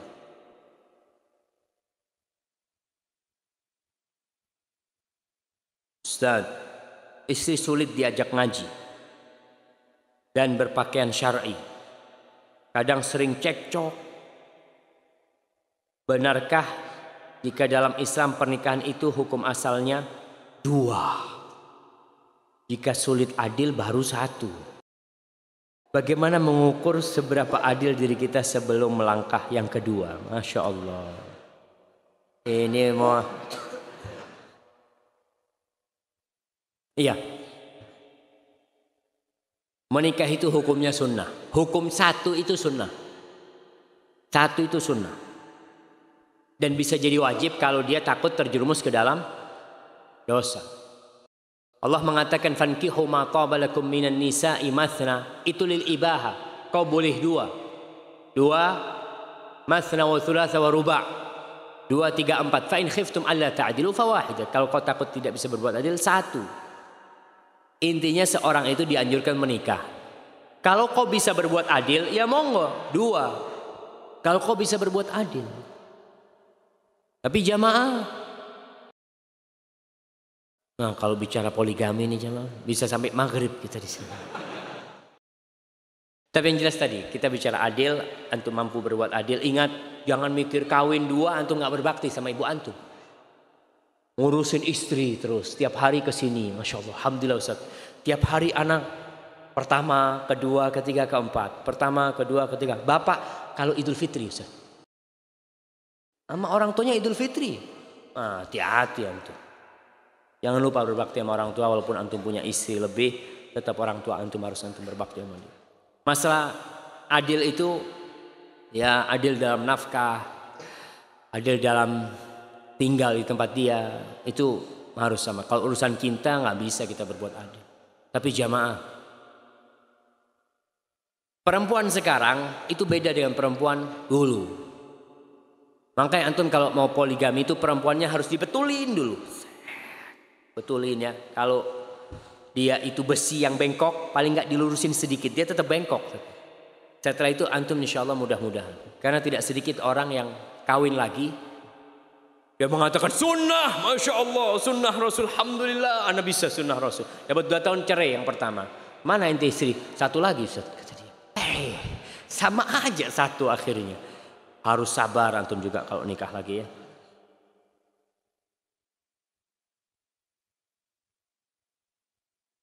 Ustaz, bagaimana cara berbakti kepada orang tua jika sejak kecil sudah tidak memiliki ibu dan terpisah dari ayah? Karena dahulu orang tua saya bercerai dan saya diasuh oleh saudara ayah dan dilarang bertemu ibu karena suatu sebab. Masya Allah. Larangan ini tidak boleh dilaksanakan. Semua perintah untuk berbuat maksiat kita nggak boleh taat. Kalau dilarang berjumpa dengan ibunya karena suatu sebab, jumpain ibu. Ibuku yang melahirkan aku. Sembilan bulan aku di perut. Cukup itu sebagai kebaikan ibuku walaupun ibuku mungkin tidak pernah membesarkan aku. Kalau ada satu sebab mungkin ibunya melakukan suatu kesalahan, oke. Okay. Allah itu tawabur rahim. Allah maha menerima taubat. Kalau ibunya masih berbuat dosa, si anak ini punya kewajiban bagaimana mengajak ibunya meninggalkan dosa itu jamaah. Maka tetap, jadi kalau disuruh memutuskan rahim, kita nggak boleh tahan.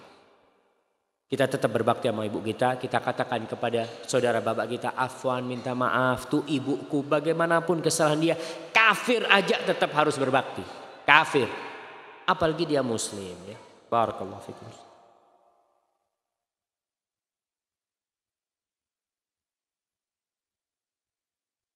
Ustadz, anak ingin punya tambahan anak. Sedangkan Ana juga merawat ibu Ana. Bagaimana doa yang sebaiknya Ana pinta pada Allah. Ana ingin ibu keadaannya seperti dulu sehat. Ana juga ingin punya banyak anak. Masya Allah. Nih, dia berpikir takut kalau dia punya anak, dia tidak bisa merawat ibundanya. Ini termasuk kebaktian. Tapi berdoalah mohon kepada Allah istikharah Ya Allah aku ingin punya anak tapi ibu seperti ini. Takut. Memang kalau seorang hamil umpamanya dia si istri ini hamil. Dia gimana mau merawat ibunya. Kadang-kadang merawat diri sendiri susah seperti itu. Minta sama Allah pilihan yang terbaik. Insya Allah Allah kasih jalan keluar. Mungkin Allah kasih rezeki kepada dia sehingga dia bisa memiliki pembantu yang membantu dia kelak merawat ibundanya atau apa Allah tinggal kun fayakun. Minta yang terbaik kepada Allah Jalla Jalla. Kalau memang takut tidak bisa merawat ibu kalau sedang hamil atau punya anak. Itu termasuk bolehlah kita istikharah dalam kondisi seperti itu jemaah. Assalamualaikum Ustaz. Ana saat ini sedang merawat ibu Ana yang lagi sakit. Stroke di rumah suami Ana. Yang saya tanyakan kalau Ana yang merawat ibu Ana adalah satu kewajiban bagaimana hukum hukumnya dengan suami Ana. Suami anti ketika membantu anti, dia nggak wajib merawat ibunda anti. Tapi dia wajib membantu seorang muslim yang membutuhkan bantuan, apalagi mertuanya.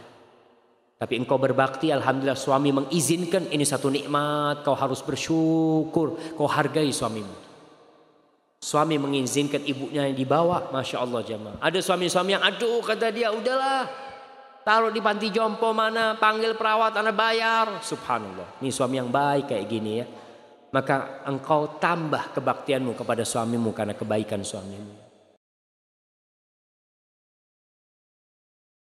Nah, kalau merasa jenuh, capek, ingat sebelum tidur baca Subhanallah 33 kali, Alhamdulillah 33 kali, Allahu Akbar 34 kali. Mudah-mudahan Allah kasih kau kekuatan untuk merawat jamaah. Ada seorang seorang ustadz cerita ada cucu ngerawat neneknya. Cucu ini ngerawat neneknya. Si cucu ini bingung, kenapa cuma dia yang ngerawat neneknya? Dia punya kakak. Kok bukan kakaknya merawat neneknya? Sampai si cucu ini bosen. Udah mulai gede dia ngomong, "Ummah, Bu, kenapa kok aku sih yang rawat nenek terus? Kakak dong sekali-kali, capek aku bu, macem-macem. Si cucunya ini ngomong. Sampai suatu saat ibunya mendudukkan cucu anaknya. Nah, aku mau cerita mangkon. Kenapa kok engkau yang merawat nenek? Suatu hari terjadi kebakaran di rumah kita. Rumah kita tuh dua lantai. Ketika kebakaran terjadi itu semua keluar. Bapak gendong kakakmu. Dan ibu gendong engkau dan nenek turun. Ketika sampai ke bawah, bapak tanya, mana bayinya? Engkau maksud itu waktu bayi. Ternyata yang digendong sama ibu bantal. Ya orang dalam kondisi panik ya. Dia langsung angkat, dia pikir bayinya. Ternyata bayinya masih di dalam, di lantai dua. Nenekmu lari. Naik. Dia selamatkan engkau. Dia loncat dari lantai dua. Dan dia lumpuh selama-lamanya untuk menyelamatkan engkau. Setelah itu sang, sang cucu ini tidak pernah lagi jenuh merawat neneknya. Karena dia tahu neneknya menyelamatkan dia. Maka tatkala kita ingat dengan kebaikan ibunda kita. Insya Allah kejenuhan itu akan hilang dari diri kita.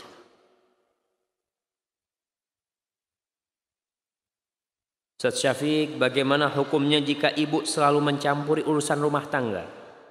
Sehingga saya dan pasangan saya sering bertengkar Ustaz. Dan bagaimana jalan keluarnya? Subhanallah.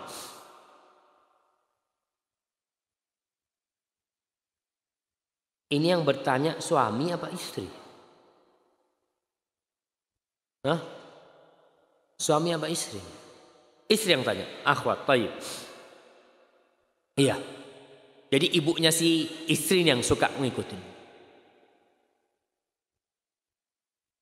Fiqhun nikah atau fiqhul usrah, fikih rumah tangga itu banyak tidak dipahami oleh orang tua. Ketika dia menikahkan putrinya, dia itu nggak boleh turut campur. Kalau ada masalah-masalah di rumah tangganya, yang memang harus ada campur tangan dia, dia minta izin dulu. Dia minta izin dulu. Abu Bakar Siddiq pernah mau masuk rumah Nabi alaihi salatu wasallam ketika lagi ribut Nabi sama Aisyah radhiyallahu taala anha. Itu minta izin, dikasih izin baru. Keributan di rumah tangga itu biasa terjadi. Si suami kadang kala mamai telat ya si suami ini itu. Ibunya itu gimana punya suami nggak bener suamimu. Jangan. Kalau mau ngomong ngomong sama istrinya. nggak perlu suaminya tahu. Kau coba kasih tahu suamimu macam-macam dengan cara yang baik dan harus sabar doakan ibunya. Kasih pemahaman yang benar kepada ibundanya. Ibu itu kadang kala turut campur karena cinta. Tapi sehingga dia lupa dengan batasan-batasan yang seharusnya dia tidak langgar seperti itu. Bapak juga melihat anaknya lagi susah ya. Jangan. Jangan turut campur. Kecuali si menantunya tuh minta tolong. Baru ikut campur. Kalau enggak akan terjadi keributan di rumah.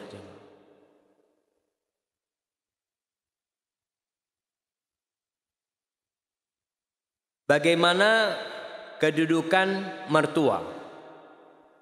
Apakah sama dengan orang tua kandung kita? Enggak sama. Tapi tetap tadi udah disampaikan.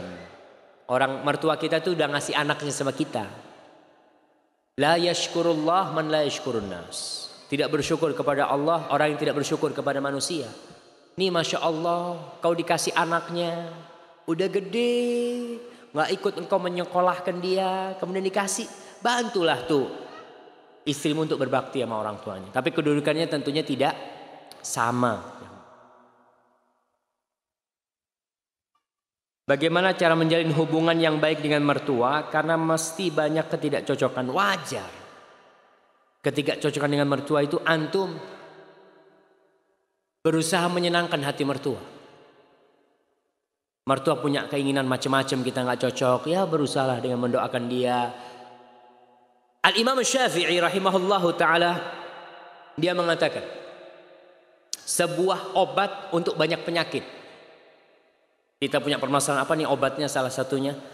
Kata Imam Syafi'i, "Wa in kathurat uyubuka fil baraya wa sirruka an yakuna lahu ghita'u fa kullu 'aibin Yughatihi kama qila sakha'u. Kata Imam Syafi'i, kalau engkau memiliki banyak kekurangan di muka bumi ini, ingat kekuranganmu harus kau tutupin. Supaya orang nggak tahu. Kau tutupinlah kekuranganmu. Terus gimana nutupinnya? Tutupin kekuranganmu dengan suka berderma. Suka berbagi. Orang tuh kalau punya rezeki dia bagi ini macam orang lupa dengan kesalahan kita. Maka bismillah antum berbuat baik sama orang tua, punya rezeki ingat sama mertua, alhamdulillah, ini aku punya ini itu. Insya Allah yang awalnya tidak cocok lama-lama orang tua ngomong insya Allah cocok karena sama menantu kayak gini ini cocok. Ya kalau antum baik sama mertua,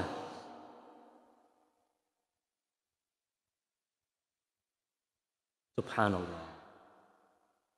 Anak saya sudah bersuami. Namun berzina dengan laki-laki lain. Bagaimana sikap saya sebagai orang tua? Apakah suaminya berhak menceraikannya? Tidak ada hukum rajam di sini. Baik. Bagaimana menghapus dosa zina dia? Para jamaah. Allah Jalla Jalla mengatakan wala taqrabu zina. Innahu kana fahishatan wa sa'a. Kalian jangan mendekati zina. Zina itu perbuatan na'udzubillah. Perbuatan yang kecil. Dan jalan yang buruk. Mendekati aja nggak boleh. Makanya dalam Islam tuh hubungan lelaki dengan perempuan ada batasan-batasan yang ketat sekali. Nggak boleh kita berduaan dengan perempuan berduaan dengan lelaki yang bukan mahramnya nggak boleh. Bersentuhan, model sekarang nih, salaman, cipiki-cipika, insya Allah. Siapa? Saudara Ana dalam Islam Ustaz, insya Allah. Ya sudah, nggak boleh. Kalau mahram inti baru boleh. Dan itu membuat orang Mulai ketika kita sentuh tangan, ngobrol adep-adepan berdua, panggilan setan semakin dahsyat, berzina. Maka tolong dalam urusan zina ini, lorong-lorong yang mengantarkan ke zina tutup. Tuh para istri, para perempuan ingat kalau kau punya teman banyak di Facebook, di Twitter, di WA yang bukan mahrammu, yang nggak ada urusan, delete semuanya. Nggak ada urusan sama mereka. Anak ada urusan sama suami anak. Sama kerabat-kerabatnya oke. Okay. Si suami juga seperti itu. Suami. Kalau punya swipe-swipe cewek di Facebooknya. Enggak. Anak ini berdakwah kepada dia. Oh. Masya Allah anak minum ya. Bismillah. Jangan, jangan. Pokoknya pintu-pintu itu tutup. Subhanallah. Anak kadang kala kalau sudah ada WA dari harim-harim nih. Yang udah mulai panas. Anak kasihkan ke istri anak. Nah, Ente yang jawab. Supaya apa? Supaya dia tahu diri. Kadang kadang ngomongnya udah mulai nggak enak. Ketika dia ada, alhamdulillah. Mau nggak mau tuh perempuan kalau ketemu sama perempuan juga, mulai ngomongnya yang lurus-lurus. Makanya sama antum laki, apalagi antum, masya Allah di Facebook sebagai pendakwah Ustaz, anak dakwah. Hati-hati ya jamaah. Baik, berkaitan dengan ini gimana? Naudzubillah zina, dia harus benar-benar bertobat nih perempuannya. Nggak ada hukum rajam, nah di, di negeri kita nggak ada kalau dia memang dosanya sudah ditutupin hendaklah bertobat. Suami berhak menceraikan, berhak menceraikan. Berhak. Tapi kalau si wanita sudah bertobat dan suaminya masih mau, tafadhol.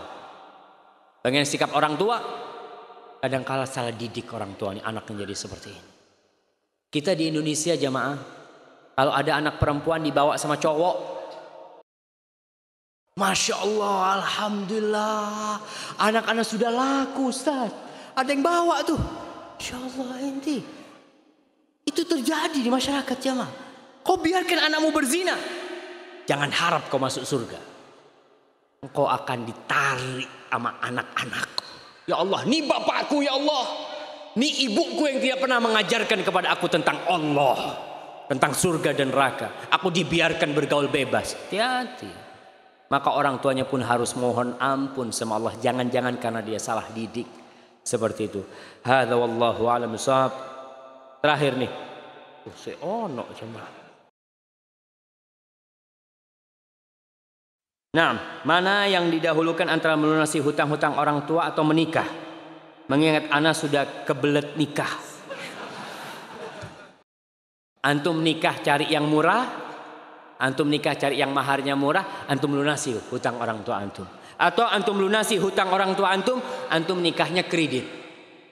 Boleh, antum ngomong sama mertua, syuf, ana duit belum punya, gimana kalau maharnya kredit lah. Anak kredit 10 tahun nggak apa-apa. Nggak apa-apa kalau ada mertua yang mau. Nah, jemaah. Dan kadang kala walimah ini orang besar-besarin. Walimah itu tidak harus di gedung jamaah. Orang kan mengatakan, oh walimah di gedung, biaya sendoknya sekian, biaya piringnya sekian, nggak kawin-kawin tuh anak. Maka Bismillah antum cari mertua syuf, kita walimahnya di rumah. Panggil apa? Sate Madura. Iya. antum walimah di rumah, undang 100 orang, panggil sate. Dov, kasih semua walimahnya anak. Besok 100 orang lagi kita panggil, bakso. Boleh, boleh walimah. Cuma kita sekarang jadi bangga-banggaan walimah itu. Ente habis berapa? Ya nggak banyak sih, 120 juta. Allahu Akbar. Dapat dua bulan cerai. Ya Allah. 120 juta. Maka hati-hati jamaah. Antum nikah cari yang murah dan antum lunasin hutang orang lain. Nah Ustaz mohon dijelaskan poin-poin muamalah dengan ibu yang berpindah agama. Wasahib huma fid dunya ma'rufa. Kesian tuh orang tua antum kalau pindah agama. Kadang-kala gara-gara nikah lagi. Gara-gara bergaul sama orang. Antum tetap wajib berbakti sama keduanya dengan berdakwah dan doakan orang tua antum dapat hidayah.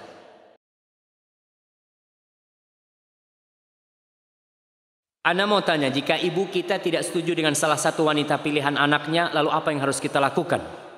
Bismillah. Antum cari wanita yang lain. Ustaz, udah kadung jatuh cinta Ustaz. Itu yang jadi masalah. Antum jatuh cinta dahulu, kemudian ngomong sama orang tua. Orang tua nggak cocok. Maka gimana solusinya? Antum memohon kepada orang tua. Kadang-kala orang tua nggak cocok itu banyak alasan. Orang tua takut anaknya dibawa sama tuh perempuan nggak berbakti kau sama dia. Banyak yang ditakutkan oleh orang tua. Maka engkau harus dilakukan sama orang tua. Kalau orang tua nggak terkena, aku nggak kepingin kau dapat umpamanya orang orang luar Jawa lah. Kenapa? Aku takut kau nanti dibawa ke sana. Nikah sama orang Kalimantan. Ibunya nggak, anda nggak setuju. Karena mau nggak mau ada ada celah nih anak Dibawa gitu kan. Enggak, aku minta kau nikah sama orang Surabaya juga. Kenapa bu? Aku takut kau dibawa. Siapa yang ngurusin ibu nanti kalau kau dibawa? Jadi ada pertimbangan-pertimbangan orang tua yang antum harus perhatikan.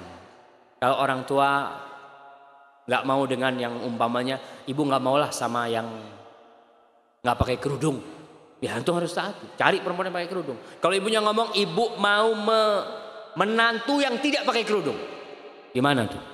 Wah berat nih. Katakan sama ibu, bu, kalau aku dapat istri nggak pakai kerudung, dia ajak sama Tuhannya nggak taat. Dia ajak sama yang memberikan rambut, memberikan mata, telinga, yang memberikan body kepada dia, dia nggak taat. Mana mungkin dia mau taat sama suami yang nggak ngasih apa-apa ibu. Katakan kepada ibunya dengan cara yang baik, yang santun, dan memohon sama ibunya. Hada wallahu alam jamaah. Itu yang bisa kita kaji pada kesempatan kali ini. Anak mau kasih hadiah. Sebutkan empat perkara berbakti kepada orang tua yang meninggal dunia. Antum sudah dapat hadiah belum? Baik. Mendoakan. Menyambung silaturahim.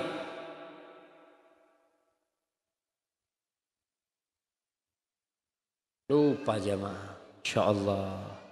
Baik, Anda minta yang empat, yang dua, yang jauh situ. Nah, ya antum. Sodakal jari buat orang tua. Banyak istighfar. Nyambung silaturahim.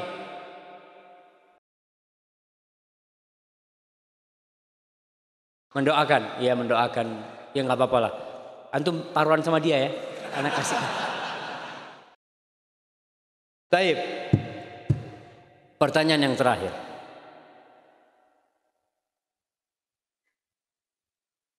Siapa nama sahabat yang Nabi mendengar bacaan dia di surga? Uwais. Uwais tabi'in antum. Harith bin Nu'man. Harith bin Nu'man jamaah. Baik, Ana sangat berbahagia sekali bisa berkumpul dengan antum sore hari ini. Mudah-mudahan pulang dari sini, antum telepon orang tua antum, antum punya rezeki kirim kepada dia, antum bisa jumpain, jumpain, cium keningnya, cium tangannya, pijit kakinya, dan doakan dia. Rabbana lana wali walidina warhamhum kama rabba kama rabbawna saghira. Sallallahu ala nabiyyina Muhammadin wa ala alihi washabihi wasallam. Wassalamualaikum warahmatullahi wabarakatuh.